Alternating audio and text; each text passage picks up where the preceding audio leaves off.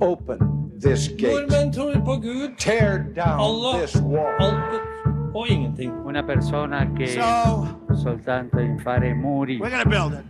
e non fare ponti. Neste stasjon er Drammen. Hei og velkommen til Ypsilon-samtaler, en podkast fra Kirkelig dialogsenter i Drammen. Navnet mitt er Ivar Flaten, og i denne episoden snakker jeg med Egil Fladmark. Pensjonert rektor og en ildsjel i Fjell og i Drammen. Egil eh, møtte innvandringa eh, på 70-80-tallet som skoleleder og måtte finne ut av det å skal være skole for et mangfoldig elevgrunnlag. I lys av den siste eh, debatten og det som skjer i, i diskusjonsfora osv., så, videre, så sier Egil at en minoritet skal kunne danke ut den norske kulturen. Det kan de ta helt med ro. Da vil jeg få takke takk deg, Egil Fladmark, for at du vil ta imot meg til en samtale i dag. Bare hyggelig. Um, og samtalen er slik som jeg har nevnt for deg, en, et forsøk på å, å finne litt mer ut av hva forskjellige folk her i Drammen har opplevd gjennom livet, og hvordan de har møtt uh, det Drammen som vi i dag opplever som et, et svært fargerikt og, og et samfunn som består av veldig mange ulike personer, naturligvis, fra forskjellige land og kulturer. Så det første jeg vil spørre deg om, det er rett og slett din egen personlige bakgrunn. Jeg vet jo at vi er ikke født så langt fra hverandre. Jeg for min del har Sør-Trøndelag, Oppdal kommune som bakgrunn, og du er litt lenger vest, eh, fra Romsdalen. Si litt om hjemstedet ditt, Egil. Ja, jeg er født og oppvokst mellom Romsdalsfjorden og Trolltinden. Og de som reist gjennom Romsdalen ned mot Åndalsnes, så er det da siste togstopp eh, før Åndalsnes. Stasjonen het Romsdalssonen stasjon, den er jo nedlagt nå, men adressen min var Romsdalssonen stasjon. Så jeg hadde mektige naboer på begge sider, og hvis man eh, eh, sier at eh, den naturen du vokser opp i, påvirker deg, så kan nok hende jeg har blitt påvirket av dette her. Så er det jo også det at man følte seg litt innestengt, kanskje, med disse høye fjellene på begge sider. Og da har jo han Arne som eh, undret seg over hva får de å se over de høye fjellet. Ja. Og jeg har jo da kommet til Drammen og sett verden, selv om jeg vokste opp der. Det, verden åpner seg. Ja, nei, det er, det, det er jo et stykke vei, selv om det er i Norge så er det veldig forskjellige samfunn, veldig forskjellige eh, landskap og forskjellige betingelser. Så jeg kunne tenkt meg å, å høre litt om familien din, litt om eh, faktisk litt det stedet du vokste opp på, hva slags, hva slags gård var det? Jeg vet det er en ganske spennende historie rundt det. Eh, Ja, jeg vokste opp eh, på en gård som lå litt eh, avsides til. På baksida, man snakket der om solsida og baksida. Ja. Og jeg vokste opp på baksida, og grunnen til at det vi kalte baksida, var på solsida. Der gikk vei og jernbane, der lå skolen, og der eh, var det lang solgang. På Fiva gård, som jeg vokste opp på, der eh, kom sola opp, skyk, skyk, skygget for sola om morgenen. Eh, klokka ti kom den fram. Så gikk den over eh, himmelen, og så gikk den ned i Trolltinnet på andre sida av dalen klokka fem. Ja. Så jeg har åtte timers solgang midt på sommeren. Ja. Men eh, det var vi vant til. Men eh, det er jo en helt annen verden her i Drammen, da, hvor sola er oppe i tre-fire-tida om morgenen og Ja. går ikke ned før elleve om kvelden. Og, og, og det må jeg si at sola i Drammen setter jeg stor pris på. Men den gården, den snødde igjen om vinteren. Det var ikke brøyta vei opp der. Det var fem kilometer til eh, brøyta vei, så da var det ski og hest og slede som gjaldt om vinteren. Og eh, da var vi Vi følte oss ikke isolerte, det var sånn vi var vant til. Men det er klart at eh, vinteren var en nokså rolig tid. Vi gikk på skolen tre ganger i uka. Og ellers så hjalp vi til på gården i fjøs med melkinga. I forskjellige sesonger var jo mye med far i skogen og hogde ved. Og eh, om våren, når, eh, på slutten av vinteren, når eh, møkkakjelleren skulle tømmes, så var det jo å kjøre møkk ut på jordet Mm. og, og spre den. Så, eh, så jeg må si at jeg har eh, eh, en bakgrunn som ekte bondegutt. Ja. Og på gården hadde vi jo sånn som det var den gangen, alle eh, husdyrene som eh, hører med. Eh, Kuer, naturligvis, og men sauer. Og gris og høner. Mm. Og hest. Vi hadde jo ikke traktor. Dette snakker vi jo nå om krigen og rett etter krigen og tidlig på 50-tallet. Så vi hadde to hester, og de hadde gjerne føll eh, hvert år, så vi hadde fire hester eh, i perioder. Mm. Og akkurat det med hestene knyttet knytter seg veldig mange fine minner til. Særlig når vi leika med følgene. Og, Ja, ja. ja, ja. Nei, men det, det er jo en lang og En kunne ha snakka kun om barndom i Romsdalen, eh, tenker jeg. Men hvis vi skal ta et skritt videre, så møtte jo verden på en litt spesiell måte ganske, i ganske ung alder. Fordi at det her var ikke en vanlig bondegård. Eh, nei, det var faktisk en engelsk eiendom. Det kom engelskmenn eh, som turister til Norge på 1850-tallet. Og da var det en som het William Brumley Davenport. Han forelska seg i, i dette stedet her, og særlig elva hvor det var laks. Så han kjøpte rett og slett denne gården, og brukte den som et feriested for seg og, og vennene og gjestene sine.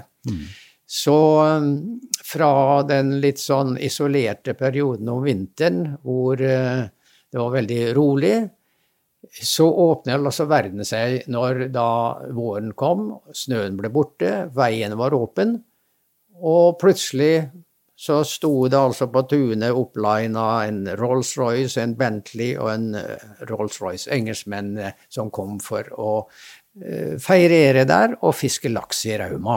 Eh, Så mm, det var en, en fascinerende kontrast eh, fra disse årstidene. men kunne du snakket noe med dem? Var det, var det folk som var eh, interessert i å prate med lokalbefolkninga? Ja, altså far han var jo da klepper eller roer, Mm. og så leide han en eh, til, eller, eh, eller to til som da var roere. Mor hun eh, var da mm, kokk for dem og, og stelte for dem på kjøkkenet, laga mat til dem i alle måltider. Og eh, det, vi, det hendte at når jeg ble, ble litt eldre, at jeg også var med ut til elva og rodde og, og, og, og kleppa hvis de fikk laks. Mm. Og etter hvert som begynte på realskolen og lærte litt engelsk, så kunne kommunisere med dere, og det var jo veldig spennende og, og interessant. Mm. Hvor, hvor lenge var du, bodde du der? Hvor lenge gikk du på skole i Romsdal? Ja, jeg eh, gikk realskolen på Åndalsnes mm. i to år. Men eh, da, for videregående, så måtte jeg da reise ut. Og da dro jeg til Elverum og tok eh, videregående der. Og da var jeg eh, 16 år. Mm. Så etter 16 år så har for så vidt jeg eh, bare vært hjemme i sommerferie og ferier. Men eh, 16 år, det er, jo ganske ungt når du reiste fra familien såpass tidlig. På hva slags måte møtte du østerdalskulturen, da? Jo, det var jo også eh, litt annerledes, da. Og Elverum var, er jo et skolested med mye ungdom som gikk Det er lærerskole der. Og um, veldig spennende. Og, eh, men eh, jeg eh, trivdes veldig godt med det. Jeg var jo blitt, ble jo 18 år der og kjørte opp til førerkort der, blant annet.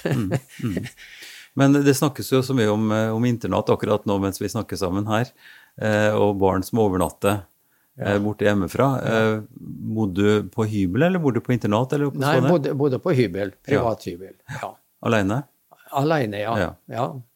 Mm. Eh, og det å ha vært heldig med vertskap, veldig hyggelig, omtenksomme og, og, og omsorgsfulle vertskap, så blitt veldig godt varetatt der. Men du Egil er jo kjent eh, her fra byen som en, en, en lærer som kom ganske tidlig, og det går jo frasagn, det står jo i avisa også, at du har et så tett og nært forhold til den gutteklassen som du hadde på Danvik, at du til og med driver og sender dem eh, bursdagshilsen den dag i dag, og det er ganske mange års eh, intervall der.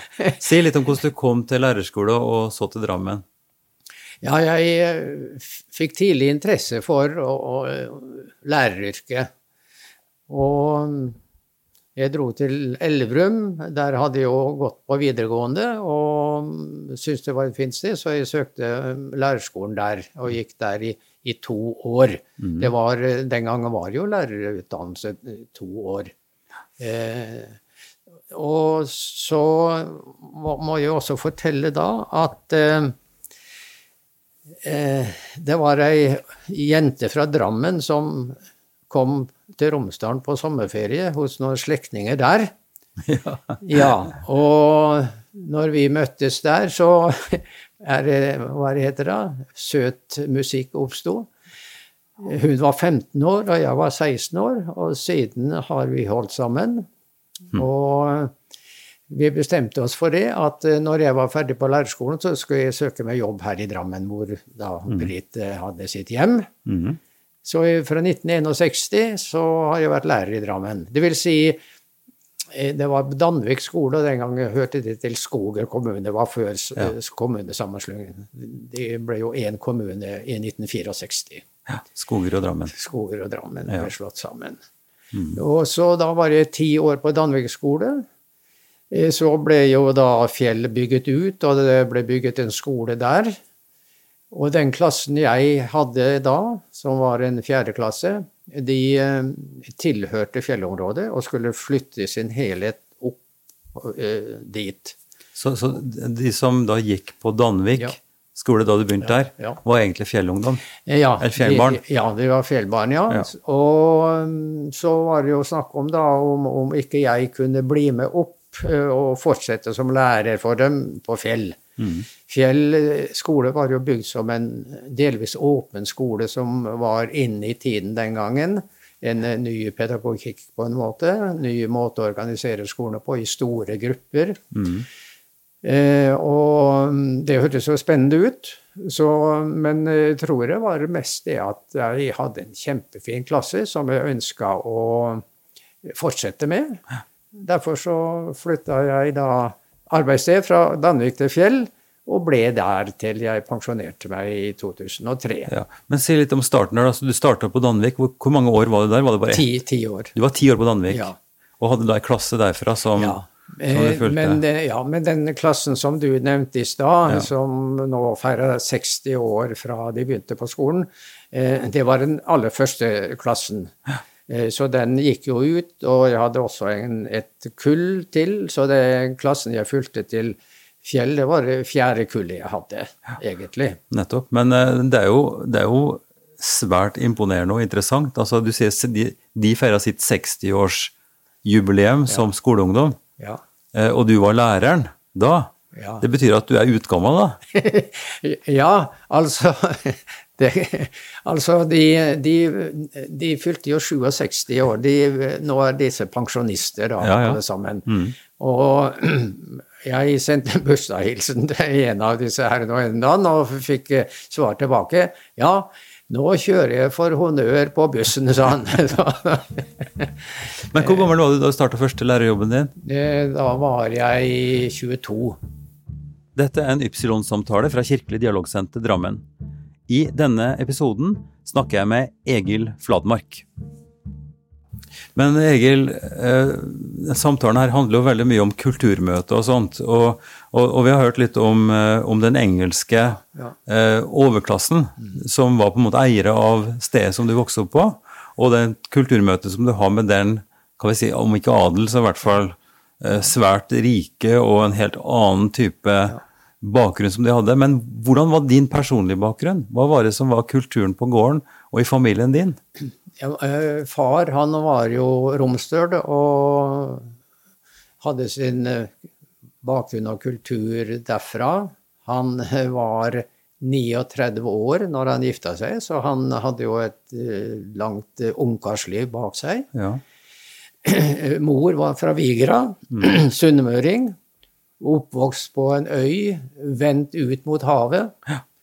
Eh, og denne kombinasjonen mellom mor og far tror jeg også var litt eh, spennende. Mm. At hun kom fra et mer åpnere, eh, i hvert fall geografisk miljø, eh, opp mellom Romsdalssonen og Trolltinden og eh, fant denne bonde Han kan ikke si gutt, han var 39 år. Og de eh, fikk da fire barn. Eh, Jeg hadde en eldre og en yngre bror. Og så en søster som var nå en attpåklatt, som man sier, som var syv-åtte år yngre enn oss. Og du kan si at snakk om at den gården var litt sånn avsides og litt isolert om vinteren. Så var vi altså fire søsken. Så vi savna aldri selskap eller uh, mulighet til å drive med aktiviteter og sånn. Og på en gård er jo noe å holde på med hele tiden. Ja. Altså jeg har jo I denne samtalerekka så har jeg snakka om folk som har vokst opp i, i Mumbai i India. Ja. I et sånn kokende fellesskap med all slags eh, folk og eh, altså en vrimmel. Ja. Og du vokste opp og, og med da tilsvarende vrimmel i tro og livssyn og ulike religiøse synspunkter og sånn. Hva, hva var den, Kan du si noe om den religiøse tilkoblinga? Den gangen så var det jo for stor del en slags enhetskultur, Ja. der kirka og presten var en veldig altså, Hva tenker du om det? Hva slags erfaring og husk, hva husker du om det? Ja, eh, det var naturligvis eh, veldig spennende når vi fikk inn eh, de første elevene som kom fra en annen kultur, et annet språk. Eh, Men de kom jo ikke alle på en gang. Det kom litt gradvis. Eh, og det var jo pakistanere og tyrkere og vietnamesere Ja. som Nå, nå tenker du på Ja. det som skjedde på Fjell skole ja, i tida di der. Men hvis du spoler helt tilbake til din egen barndom, hva var det som prega ditt hjem sånn i, skal vi si, i religiøs forstand, da, eller i som, som grunntone? Eller var det irrelevant, liksom? Eller hva Nei, tenker du om nei, det? det var tradisjonelt, kan du si. Vi, vi, eh, vi kan jo si at vi gikk annenhver dag på skolen. Mm. Så du kan si det var en nokså mangelfull skolegang vi fikk. Mm. Eh, men eh, der ble jo den første timen åpnet med et salmevers og Fader vår. Ja. Mm. Og da må jeg jo nesten bare si at det var den eh, bakgrunnen og erfaringen jeg hadde. Og det samme gjorde jeg når jeg ble lærer på Danvik. Så åpna jeg alltid med en salme og lese Fader vår. For, fordi det var vanlig? Ja, det var Eller? den kulturen jeg tok med meg Ja. fra bygda mi og fra den skolen jeg sjøl gikk på. Ja. Og vi hadde ikke fått, på lærerskolen så hadde vi ikke fått noe oppskrift på hvordan vi skulle gjøre det. Var, og dette her eh, virka som det var helt naturlig og greit for elevene også. Og de har jo faktisk, når jeg har møtt dem senere på sånne klassetreff, at eh, det at vi sang og ba Fader vår, eh, det syns jeg var fint. Og det var ikke kontroversielt på lærerværelset, eller altså, hva var på en måte stilen? En, en vet jo altså at den norske skolen kommer jo som et resultat av kirkas ambisjon om å få lært eh, folk eh, lesing og skriving og bibelkunnskap. Ja. Altså det var et slags kirkelig prosjekt. Ja. Og det har jo hengt ved den norske skolen opp gjennom helt jeg vet ikke sånn formelt sett, så det var vel Sivertsen-utvalget på 60-tallet ja. som formelt kutta forbindelsen mellom kirke og skole. Ja. Men som du beskriver det, så var jo det her, og, og for en del miljø i Norge, ennå fortsatt ganske så sammenvevd. Ja da, og, og, og når tiden kom, så var det jo å, melde seg opp til konfirmasjon. Og gå på konfirmasjonsforberedelse med presten. Og, og det var rene forelesninger. Vi satt uh, på rekke og rad, og, presten uh, da foreleste for oss. Men det var jo slutt med den tiden at vi ble rangert nedover kirkegulvet, naturligvis. Ja. alle. Og konfirmasjon var ikke, en, var ikke en nøkkel til å få jobb. og du, du, altså du, Det var ikke knytta til liksom statusen som borger helt en, eh, da på det tidspunktet, Nei, så klart. nei det, det, det var ikke. Nei. Men eh, ja, interessant. Eh, Og så når du da kom til Drammen fordi at du var forelska i Brit, og dere var enige om å gifte dere og sånn, og etablerte et hjem her, og, og du fikk da tydeligvis et stort hjerte for de du underviste, og det var en, et, et, en god jobb, og så kom du til en ny, det nybygde og nyetablerte stedet Fjell. Ja. For det var jo liksom spart opp av jorda nesten. Og Ja. bygd med svære hus og nye skoler og alt som var Ja. på slutten av 60-tallet, ikke sant? Jo da. Men denne skolen var jo ikke så stor til å begynne med. Det, det, var, det var bare eh, to paviljonger som var bygd den gangen. Og det var da ti klasser og tolv lærere. Og en av disse var rektor. Men så bygde de jo ut ene blokka, reiste seg etter den andre. Og så vi var liksom med på en prosess med at skolen vokste. Og vi fikk flere og flere elever, flere og flere lærere. Og til slutt så endte vi opp da som Buskeruds største barneskole med 700 elever. Eh, og i den perioden der, fra midten av eh, ja, eh, 76, eller på slutten av 70-tallet, så begynte jo det flerkulturelle, flerkulturelle liksom, preget å, å sette seg på skolen. Ja. Og mm, til å begynne med så gjorde vi ikke noe spesielt eh, rent pedagogisk for disse som kom, for det var en og annen rundt omkring i klassene. Og kan du si nærmiljøet eh, tok seg av det på en måte. Lærte dem norsk. De leika med norske unger. Og, mm, og så snappa de opp litt her. Og, så det gikk nokså smertefritt for de aller første som kom. Mm. Og, de aller første du snakka om da, det var når det tyrkiske Ja. eh, tok familiene sine hit, og, og barna kom, og du snakker da om at det er på midt på 70-tallet, eller noe sånt? Ja. Eh, og, men så økte jo disse i antall. Og hvis vi tar den tyrkiske gruppen, så er, så var den største, ble den største etter hvert, så rekrutterte faktisk de en hel klasse hver høst. Det var eh, 25 tyrkiske barn, eh, seksåringer, som skulle begynne på skolen samtidig. Og disse barna hadde jo da vokst opp i et eh, tyrkisk miljø, hvor de fikk alle sine behov dekket der. Uh, og hvis de var ute og leika, så var det større sjanse for at de traff en, et tyrkisk venn enn en norsk venn. Derfor så fikk de liten påvirkning av norsk språk før de begynte på skolen. Mm. Det betydde at de kom på skolen, sjette klasse, og ikke kunne norsk i det hele tatt. Og det, da begynte det å bli et problem. Eller da var det et problem for oss. Hva gjør vi da? Og, og hvor, hvor lang tid var det den prosessen tok? Du sier at det var en hel ny klasse hvert år i flere, gjennom flere år. Når var det den der erkjennelsen at det her går ikke lenger? Segen? Eh, ja, jeg husker ikke årstallet, det, men da har vi kommet rundt på 80-tallet. Ja.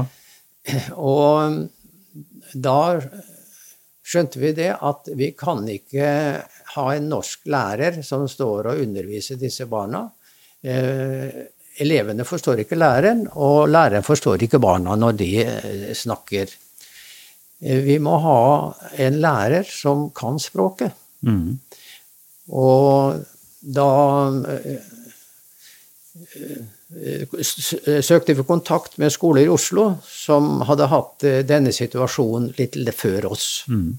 Og også grunnskolerådet og naturligvis skolemyndighetene i Drammen diskuterte hva vi kan gjøre. Og de rådene vi fikk fra Oslo, var at det må etablere språkhomogen klasse med en norsk og så en eh, lærer da I dette tilfellet gjaldt det tyrkiske. var bare De tyrkiske var i så stort antall at de kunne organisere det på den måten der.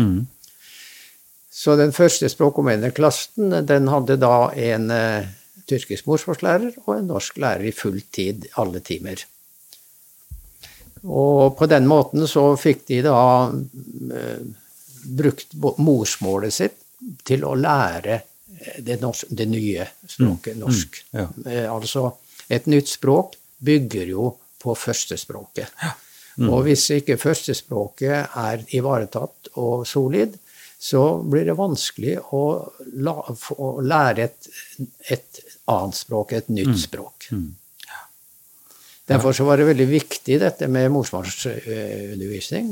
For situasjonen var i mange familier slik at eh, det, det morsmålet i hjemmet var også litt begrenset, litt fattig. For eh, mange av disse tyrkerne kom jo fra landlige områder. Det, det var jordbrukere. Og det vokabularet de hadde i sitt daglige språk, var knytta til eh, det. Det praktiske, Det det praktiske praktiske livet. ting, ja. Mm. Om vær og vind og, og grøde og, og årstider. Sånn som, eh, sånn de- som jeg husker fra min egen barndom, så var det jo bare altså hele vokabularet knytta til hesten, Ja. og til hestgreie og alt utstyr. Ja. Eh, altså et helt lite arsenal av, av ord og begrep som, som var høyst meningsfulle, men som, som, går, som går ut av bruk, for det, det, det fins ikke lenger. Og det er litt av det samme, og, og forskjellige slags Jeg er jo gårdsgutt sjøl, så jeg vet Ja. jo en del om det. Ja.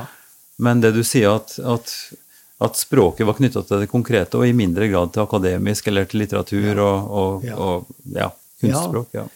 Så det betydde det at når de da kom eh, og ble boende i en leilighet eh, på Fjell, så, så eh, dugde ikke det språket fra hjemlandet. Eh, Og dermed så ble språkstimuleringen nokså, hva skal vi si, begrensa for mange barn. Og derfor så var det da morsmålslærerens oppgave å, å hjelpe dem å bygge opp et, et solid morsmål. For jo bedre morsmålet er, eller la vi si førstespråket, jo bedre blir andrespråket. Mm. Det er liksom en, eh, en naturlov, men den er ikke så åpenlys at alle umiddelbart skjønner det som ikke er involvert i skole. Så det var mange som ikke eh, forsto dette her. At hvorfor skal vi bruke ressurser på å lære dem morsmålet deres? De skal jo lære norsk. Dette er en Ypsilon-samtale fra Kirkelig dialogsenter Drammen. I denne episoden snakker jeg med Egil Fladmark. Og det høres veldig naturlig og Og det, er jo, logisk det, ut. det hører vi jo i stor grad i dag òg, Ja, det ja, samme. Ja. Men et nytt språk kommer ikke fra ingenting. Nei. Det kommer fra førstespråket. Og jo bedre førstespråket er, jo bedre blir andrespråk. Men skal vi ta en liten refleksjon rundt det? Hva, hva tenker du om statusen i dag? For nå er det jo andre og tredje generasjon. Eh, og forholdet mellom ens egen eh, skal vi si, nasjonale bakgrunn da, bakover i, i, i leddet, Ja. f.eks. tyrkisk, Ja. eh, og det tyrkiske de kulturforeninger som fins, og det tyrkiske miljøet som er stort, Ja. der tyrkisk blir brukt som språk, naturligvis, Ja. enda. Ja.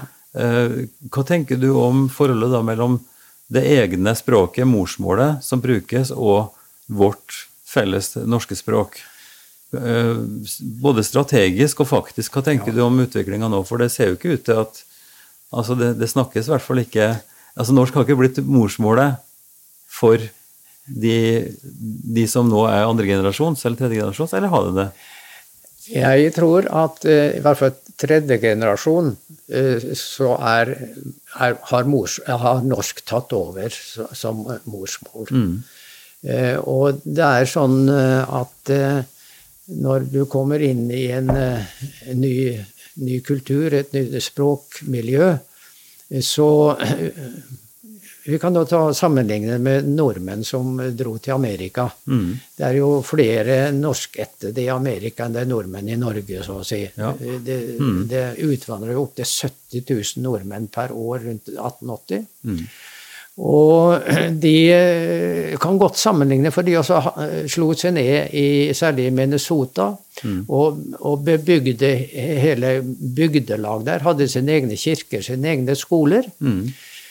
Og beholdt naturligvis eh, sin, sin norske språk. Men i dag er det ingen norsk-amerikanere som snakker norsk der borte lenger. Men eh, vi har hatt besøk av slektninger uh, rundt eh, som, som fremdeles hadde lært da norsk av sine besteforeldre og kom til Norge og snakket da et norsk som var veldig morsomt å høre på.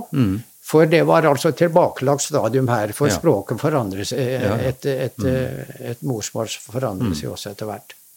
Men, og sånn eh, vil nok gå med disse som Etter hvert som generasjoner stiger, så vil de bli Ja.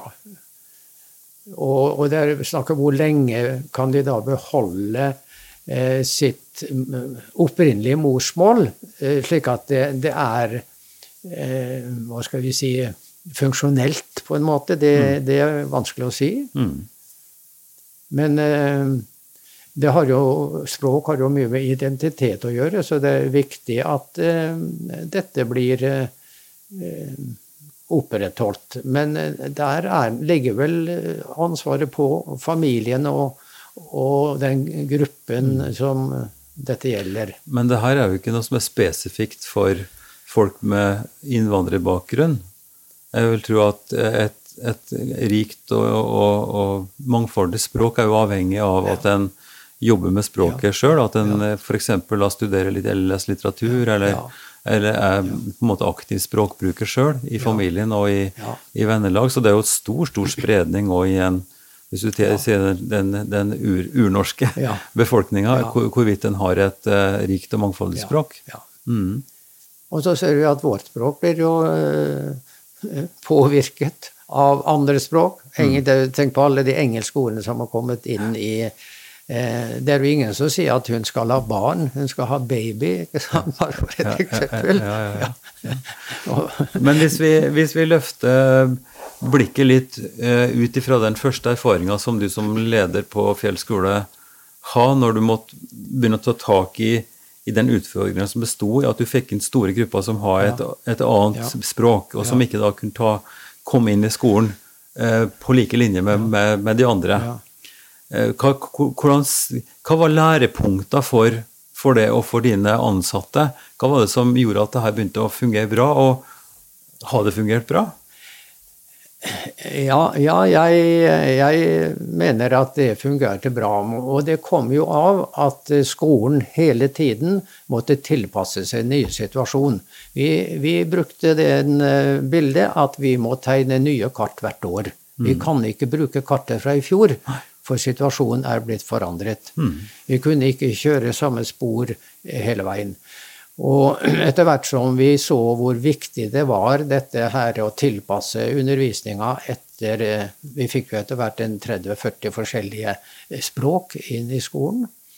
Og da opprettet jo også eh, staten spesiell kurs eller kompetansekurs for De kunne ta utdannelse i norsk som annetspråk og migrasjonspedagogikk.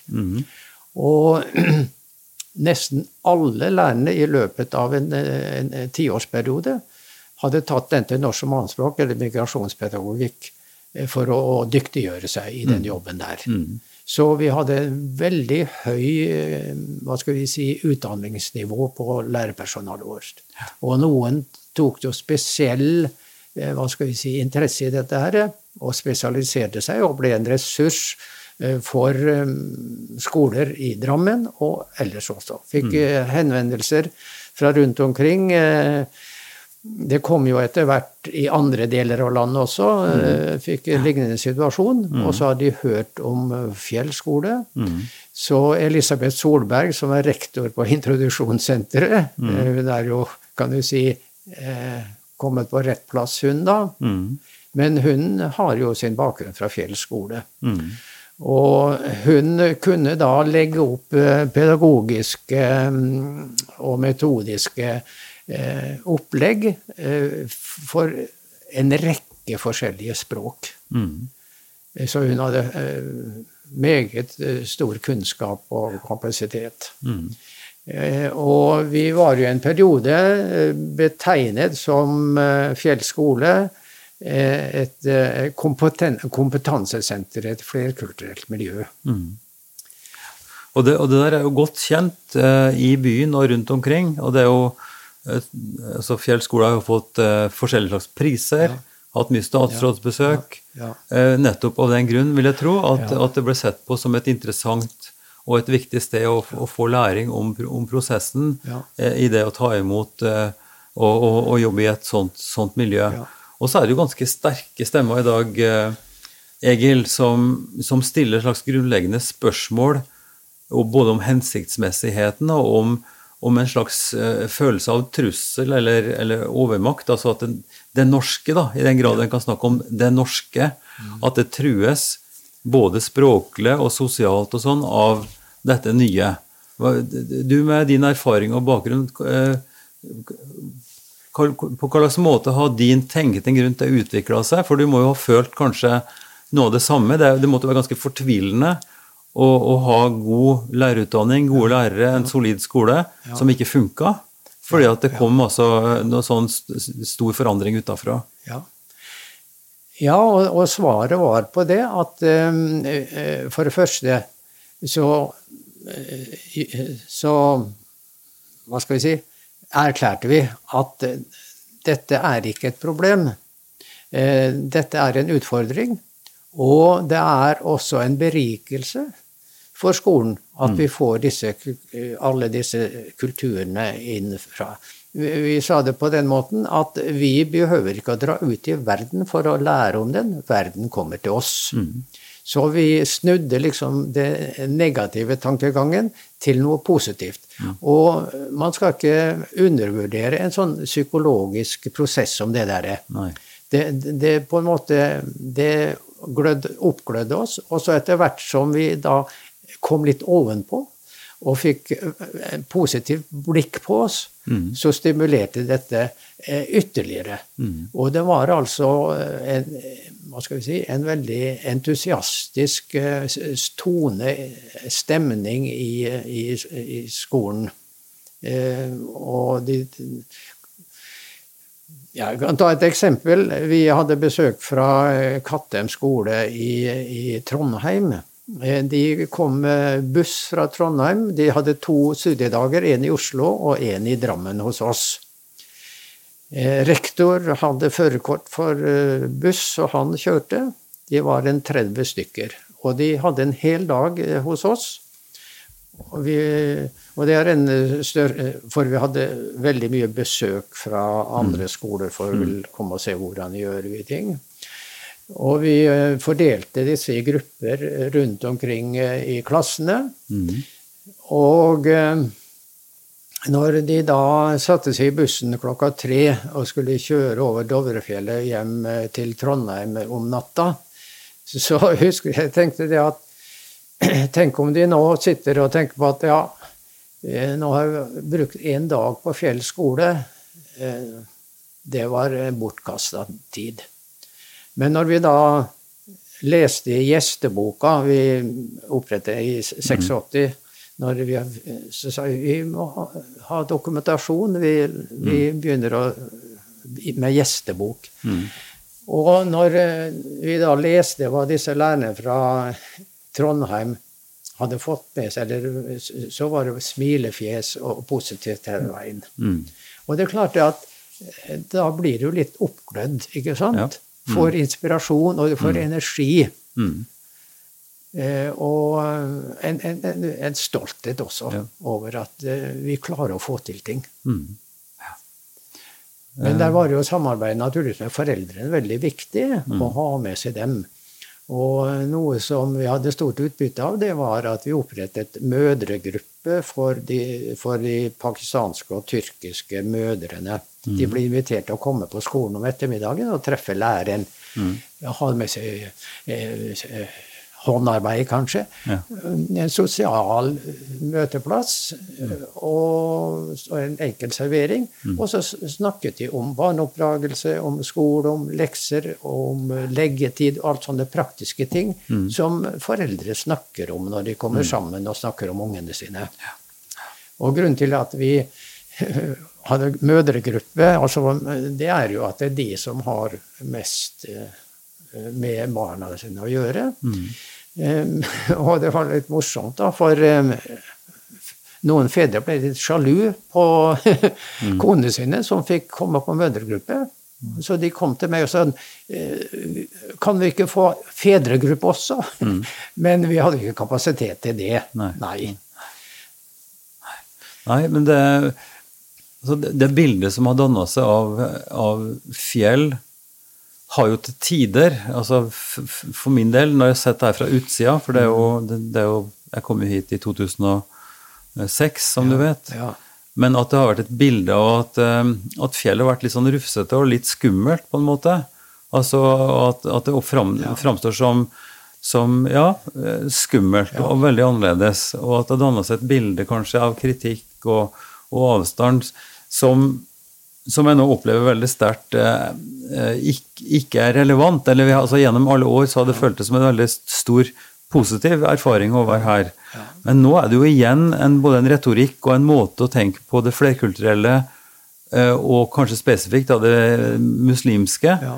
som er veldig destruktiv og veldig, veldig veldig kritisk. Ja. Og, og stille på en måte Kanskje er det enkelte som snakker om at, at fjell eh, blir omtrent som Rosengård i Valmø, eller altså det er et slags getto. Mm. Ja. Eh, og, og nå skal ikke du være noe sånn eh, sannhetsvitne, på en måte, men, men du har erfaring om hvordan eh, språkgrupper, og, og du snakka nå om tyrkiske mødregrupper, ikke sant, osv. ja. Hva er For å ta det, det konstruktive først, hva er på en måte den verdien i å ha mange spesifikke språk- og kulturgrupper på et sted? Eh, Og hva slags bidrag har det til det store norske prosjektet? Ja, jeg, jeg mener at eh, når det, dette har jo med integrering å gjøre. Og da er jo skolen en arena som er veldig viktig eh, når det gjelder integrering. Der, det er jo gjerne familier man snakker om, ikke sant? Det er ikke så mange enkeltpersoner som kommer, men de fleste er familie, barn. Og alle barn går på skolen. Foreldrene får en, eh, en befatning med skolen. Besteforeldre, hvis de har det, de blir også invitert til eh, arrangementer på skolen. Og mm, ikke minst besteforeldrene er stolte når de ser sitt barn stå på scenen og synge og danse sine nasjonaldanser for å vise sin kultur. Da sitter de og er så stolte. Så eh, dette letter, eller altså det fremmer integrering på en veldig fin måte. Og dette her at vi eh, etter hvert fant ut at eh, vi skal markere at vi er en flerkulturell skole ved også male de forskjellige nasjonalflaggene på skolens fasade. fasade. Og det hadde vi mye igjen for. Eh, og så kan du si Ja, hvorfor eh, dere De skal jo bli norske. Og, og det skal de. Og, og det blir de. Men det er veldig viktig i en integreringsprosess at eh, de får ta vare på sin identitet. Eh, og så er det jo snakk om man Etter hvert fant man ut man kan ha to identiteter. Eh, man, man kan eh, ha et bein i, i, i to kulturer. Og, og eh, det er mange som har sagt det. Jeg, eh, noen ganger så sier jeg, når det blir spurt, så sier jeg nei, jeg er norsk. I andre tilfeller jeg er tyrkisk, eller pakistansk eller vietnamesisk. Mm. Og dette er jo en, eh, en prosess som går og forandrer seg fra generasjon til generasjon. Men i den første fasen, der første, annen generasjon og tredje generasjon, eh, så er eh, dette, tror jeg, viktige elementer i integreringsprosessen. Dette er at de eh, får vise frem sin kultur gjennom sang, dans, språk og andre ting. Og vi merket jo også at vi ble mer bevisst på vår egen kultur. Vi har jo våre danser og våre drakter og vår kultur, vi også. Og vi begynte etter hvert å ha noe vi kalte en norsk uke, hvor vi spesielt satte fokus på norsk kultur og historie. Eh, Både for å vise de andre eh, det, og, men også for å bevisstgjøre oss sjøl. Så eh, Og når jeg møter igjen eh, elever fra den tiden som nå er voksne og har gjort karriere på forskjellig vis, så, så, tenk, så snakker de veldig positivt om tiden de, de var på. Eh, vokste opp på fjell. De syns, syns de ble ja, tatt godt vare på. Ble respektert. Og der tror jeg dette var at vi malte flaggene deres. De fant flagget sitt på skolens vegg. At sko, skolen er stolt av oss. Ja. Men så- De vil vise Mm, at vi tilhører her. Og et uh, litt eh, sterkt og rørende eksempel var jo da de skulle ha en minnestund etter de mistet et barn. Så lurte de på om de kunne ha minnestund på skolen. Og da ble jeg litt betenkt på det. Det er jo lokaler uh, i byen, sa jeg, som er uh, tilrettelagt for sånt. Ja, men det er her vi føler vi hører hjemme. S- Så kan vi få til at vi kan ha en minnestund på skolen. Og, og vi fikk det til. Ja. Men, men altså, det rørte hjertet mitt når han sier ja, det er her vi føler vi hører, hjemme her. Tenk oss å kunne si noe Ja, sånt. ja. Mm. Ja. Men det er jo et, for mange eh, som har mindre erfaring med dette enn du, og kanskje ikke så veldig mye erfaring i det hele tatt, så er det et tankekors og et stort spørsmål om det, flerkulturelle og det, som noen vil si, det fremmede, Ja. eh, har en negativ effekt på, på vårt samfunn. Altså at den har en slags romantisk idé om, om det som du og jeg vokste opp i Ja. med, med salmesang og Fader vår på skolen, og, og med, med konfirmasjon, og alle gjorde det samme Eller mer eller mindre, da. Ja. Um, hva, hva tenker du om det? Hva tenker du om den, den utviklinga som vi ser, da, særlig her i Drammen, men over hele landet, der det er folk Altså verden har blitt mindre, som du ser. Verden har kommet til oss. Ja. Og hvordan er vi da norske? eh, Er vi norske på gamlemåten, eller skal vi bli norske på en annen måte? Hva, er, hva tenker du, det er, hva er det å være norsk? Ja, jeg tror nok vi blir påvirket av dette, men det ser jeg ikke noe negativt i. Det, det, det er med og beriker oss. Eh, når, når begynte vi å spise pizza, f.eks.? Det er ikke noe norsk tradisjonell mat, men det er jo nærmest blitt eh, en slags nasjonalrett. Og, og tenk på den innenfor musikk, f.eks. Eh, hvor nå vi gjerne går og hører på litt fremmedartet musikk og, og verdsetter den. Men det betyr ikke at vi glemmer hardingfela vår, altså. Og vi slutter ikke å spise smalahove og lutefisk og, og, og brunost, altså. Og der er det jo litt artig å tenke på at den største hva skal vi si, um, eksperimentet som vi har gjort noen gang, det var jo mongolene som invaderte Kina og skulle gjøre kinesere til mongoler. Og det gjorde de veldig, eh, hva skal vi si um, Ganske brutalt, kan vi si det sånn? Brutalt, ja. De drepte jo ned eh, ledere og innenfor utdannelse og styresett osv. Og, så videre, og satte inn sine. Og etter tre generasjoner så var mongolene blitt kinesere. Og vi har jo også Balkanstatene og også disse eh, Litauen og disse, hvor russerne eh, faktisk skifta ut eh, befolkningen. Estlendere inn i Russland og, og russere inn.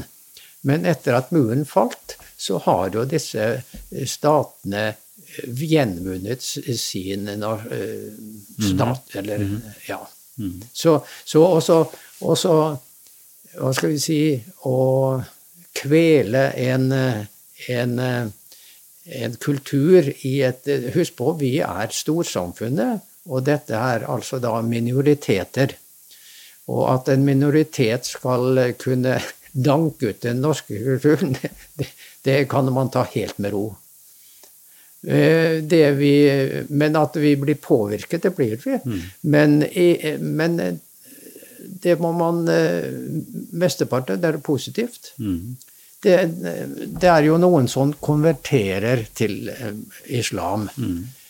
Og det er klart eh, Hvis det er en eh, som har vært aktiv i en, eh, Den norske kirke, og så får man at den har så, så er jo eh, det et ikke noen god situasjon for kirka. De har mistet noen til en, til en annen eh, eh, religion. Men eh, det går jo også andre veier. Og dette her er altså eh, levende mennesker og levende kulturer, så skjer det noe eh, hele tiden. Mm, ja. ja. Og, men mm. jeg har, prøvd å trøste mange som er så redd for at, Og det er jo politiske partier også som bruker denne skremsel, snik, islamifisering f.eks. Vi, vi er ikke klar over det. De sniker det inn overalt. Nå må de spise halalkjøtt, og, og, og de bestemmer til og med hva vi skal spise. Men altså det, det Jeg ser ikke på dette som noe, noe negativt, i hvert fall ikke som noen trussel. Nei. Og, og jeg spurte en annen ja, men har du tenkt å, å konvertere til, til, islam? Nei. Ja, men hvorfor tror du at jeg kommer til å gjøre Nei. Ja, hvem er det som skal gjøre det, da? Nei, da blir det vanskelig å finne noen som de tror kommer til å gjøre det. Det, det er jo nokså spesielt her i Norge, men, men det, det, er noe som heter Islamsk råd Norge ja. og Mellomkirkelig råd for Den norske ja. kirke. Ja. Og det er ganske mange år siden de to satt sammen og, og skrev en felleserklæring mm. eh, som handler om at en aksepterer, hvis det er noen som ønsker det, begge veier, å konvertere, gå over til enten kristen tro eller vice versa, så, så, må det være både tillatt, og, og det skal man ikke slåss mot. Nei. Men erfaringa for oss som driver mye med religionsdialog, så er jo mm. nesten det motsatte. Altså at møtet med andre som har en definert tro, og som ja. er interessert i å fortelle om det, ja. gjør jo at vi sjøl òg blir mer bevisste ja. på vår, vår, egen kultur og vår egen bakgrunn. Slik at jeg, jeg har sans for det du sa om skolen på Fjell, at den blir på en måte både mer bevisst og mer klar over egen, sitt eget særpreg. Som en kanskje ikke i samme grad blir i et enhetssamfunn hvor en går ut fra at, at alle er mer eller mindre like. Uh, men Egil, du, du, har en lang eh, karriere som skoleleder og, og, har blitt en foregangsmann i det å lede en skole i, i omstilling, i kraftig omstilling. Og, og, du sier noe om at mangfold og, og, ulikhet er en ressurs som har vært det gode for, for skolen, og som du har hatt uh, mye glede av. Eh, men du er også engasjert nå i ettertid i, i, arbeid, og sikkert også mens du var lærer, i arbeid utenfor skolen. Vil du si noe om det? Eh, ja, jeg har jo da, kan du si, vært eh, interessert i fysisk fostring. Jeg har jo utdannelse i det, grunnfaget kroppsøvning, som det het. Så jeg har jo vært aktiv i idrettsforeningen Hellas, og også i Drammen turnforening, hvor jeg var instruktør for de minste i 25-30 år. Mm. Og eh, det, i Hellas er jo fremdeles aktiv som, som eh, funksjonær på stevner og sånn. Og så eh, vet jeg at du steker vafler en gang iblant? Ja, og så har vi Altså, Hellas har en hytte inne på Strømsåsen her, hvor vi da har hyttevakt søndager gjennom året, fire-fem ganger. Og mm. da går det mye på vaffelsteking, ja, og og ta imot gjestene der og servere en varm solbærtoddy om vinteren, kaffe og annet smågodt. Mm. Men du, det er liksom ikke kaffe og vafler og smågodt som karakteriserer ditt kosthold, stort sett, tror jeg, og du har holdt deg ufattelig sprek. Eh, og, og hva som er på, på, på Birkebeineren, altså på, på sykkelrittet, i ditt 80. år. Hva er det som driver deg til sånt? Nei, det er jo gleden og fornøyelsen eller tilfredsstillelsen av å kjenne at man har eh, en kropp som fungerer, som tåler en trøkk hvis du må utsette for det. Springe etter en buss som holder på å løpe fra, gå fra deg, så tåler du en liten spurt. Mm. Og det har jo sammenheng med at jeg har tatt uh, utdannelse i kroppsøving, alltid vært interessert i eh, hva skal vi si, fysisk fostring. Mm vært glad i friluftsliv. Men eh, jeg, jeg, må si, nå, nå, er det jo valgkamp borti USA, og ja. jeg hørte Joe Biden eh, traff en hundreåring, og så sa han at 'whatever you drink, sir, I will have two'. så ja. hva er det du putter i det som gjør at du heller så sprek? Eh, ja, hvis man skal ha en morsom historie, så er det skottene er jo glad i sin whisky. Og da var det en som var blitt 100 år, og lurte på hvorfor hva var grunnen til at han kunne bli så gammel. Jo, jeg har to prinsipper, sa han. Jeg eh, drikker aldri whisky uten vann, og så drikker jeg aldri vann uten whisky. Men eh, du snakka om helse og sånn. Jeg ble tidlig interessert i kosthold, og så sammenhengen mellom det du spiser og det du blir. Så da jeg var 15 år, så kom broren min hjem fra Ålesund, hvor han gikk på handelsskolen, og bodde hos ei tante som eh, holdt på med vegetarkost innimellom. innimellom. Og han kom hjem og var blitt vegetarianer, og det visste vi ikke hva var for noe. Jo da, han spiste bare grønnsaker og frukt og sånne ting, og det syntes vi var fryktelig rart, så vi erta han jo for dette her. Så jeg tenkte det er jo dumt å erte for folk eh, som du ikke veit hva er nå, så du må jo prøve det. Så gjorde jeg det da, og mor var positiv til det, for hun hadde selv eh, blitt frisk etter å ha vært syk i mange år ved også å være på en sånt kursted som adventistene driver borte ved Bergen, og blitt helbredet ved kosthold. Så hun eh, hadde ikke noe problem med å lage mat til meg, og gikk sånn gradvis over, og etter ja, tre måneder så var jeg blitt vegetarianer. Og dette er jo nå over 65 år siden. Og det har du holdt fast på hele veien. Ja da, og um, den gangen så opplevde jeg at jeg var den eneste vegetarianer i Norge. Du traff aldri en uh, likesinnet, liksom. Derfor er det veldig morsomt for meg i dag å se at dette blir mer og mer vanlig. At uh, folk Ja, man snakker jo om fem om dagen, og frukt og grønt, og det er offentlig norsk helse- eller hva skal vi si, ernæringspolitikk, at man skal spise mer frukt og grønt, og at det er godt for helsa og for miljøet. Jeg tenkte jo ikke på miljøet den gangen, det var kun på eh, sunnhet og helse. Ja. Men du Egil, vi, vi må runde av snart. Eh, Tida går forferdelig fort i godt selskap, og det, vi kunne holdt på veldig lenge. Men, men hvis vi nå skal ta en, en liten avrunding på, på engasjementet ditt altså Du har snakka om idrett, eh, men, men Drammen er jo en, en ikke notorisk, men i hvert fall en veldig aktiv eh, losjeby. Og du har funnet din losje, eller ditt, din forening. Jeg vet du er aktiv i, i, i menigheten også, i, i Fjell, som vi har hatt stor, stor glede av. Men, men si litt om losjen og hva det er du er med på der. Eh, ja, da jeg eh, begynte på Danvik skole som lærer i 61, så ja, het rektor der Lars Dubhaug. Han var eh, medlem av noe som heter Tempelridderordenen.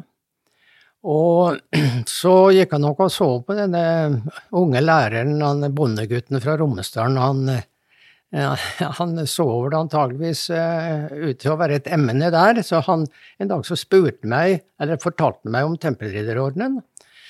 Og så ble det til at eh, han overtalte meg til å søke medlemskap der. Og det var i 1965.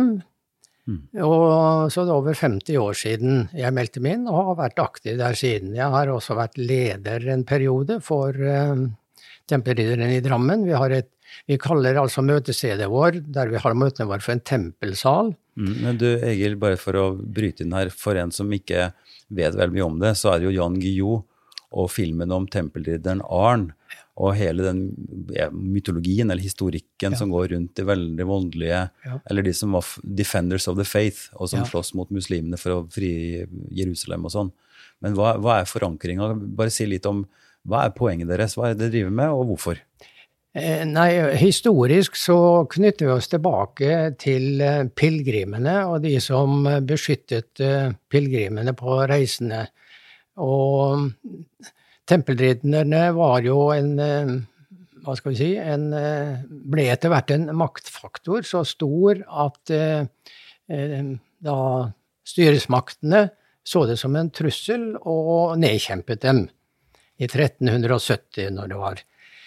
Men så vi har bare tatt det navnet som en slags symbolsk verdi, og har ikke noe ellers forbindelse med det historiske.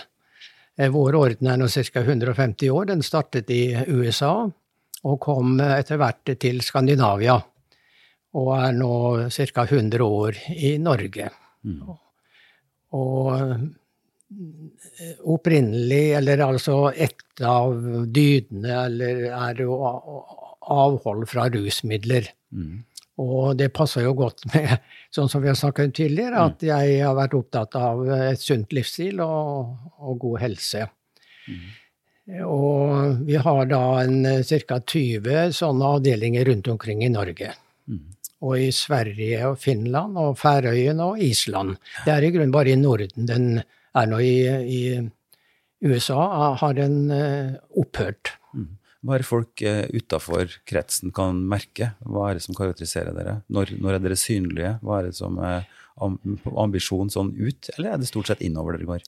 En, altså, vi har nå engasjert oss, her i Drammen har vi engasjert oss i, i Blå Kors og være med og hjelpe til der. Mm.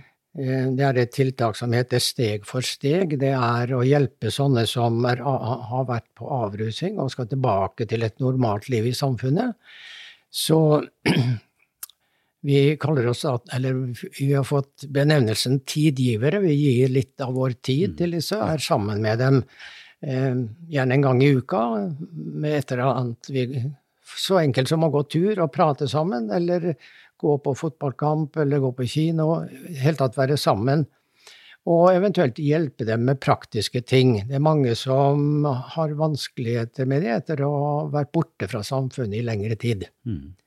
Særlig vi har vi en som er eh, regnskapskyndig, og som hjelper folk eh, å få orden på økonomien sin. Det er i grunnen et av de største problemene de har. Ja. Hvis vi eh, nå helt avslutningsvis skal si noe om det du ut ifra din erfaring med ungdom og på skole og sånt, eh, er det noe du vil si i den forbindelse nå? Hva er det som du syns er viktig å få med seg, hvis du vil skulle gi, gi de som hører på, en eh, siste pep-talk? Ja, i utgangspunktet så, så må du like barn, du må være glad i barn. Og det er eh, noe som mer eller mindre ligger i deg. Men eh, hvis du begynner å jobbe med barn, så tror jeg den gleden kommer etter hvert. Du får så mye igjen. Og jo mindre barna er, jo lettere er det, tror jeg, fordi barna er så spontane tilbake igjen. De viser så lett følelsene sine. De viser så lett når de er glad. Og jeg er litt fascinert over eh, dette fenomenet, alle disse tusen språk som vi har i verden. Men det er to eh, følelsesuttrykk som er likt samme hvor i verden det er. Og det forteller meg at dette er de viktigste følelsene vi har. For alle barn, samme hvor i verden det er, så viser de glede på den samme måten. Alle ler på den samme måten, alle gråter på den samme måten. Man gråter ikke forskjellig i Kina og i Norge, for å si det sånn. Og dette forteller meg at det er viktige signaler til omgivelsene. Et, eh, og jeg har jo sett dette i, i praksis. Glade barn, uansett hvor de kommer fra, så smiler de på den samme måte, de ler på samme måten, og de gråter på samme måte når de er lei seg. Tusen takk for en uh, fin samtale, Egil. Jo, takk for uh, en hyggelig samtale sammen med deg, og det skal bli spennende å høre hvordan dette kommer ut. Ypsilon-samtaler er en podkast fra Kirkelig dialogsenter Drammen. Du finner mer informasjon om oss og hva vi driver med på kddrammen.no. Hvis du ønsker å høre flere samtaler, søk på Ypsilon-samtaler på din podkast-app, eller gå til våre nettsider. Ypsilon-samtaler er støtta av Drammen kommune og Barne- og familiedepartementet. Ansvarlig utgiver er Kirkelig dialogsenter Drammen, ved daglig leder Ivar Flaten.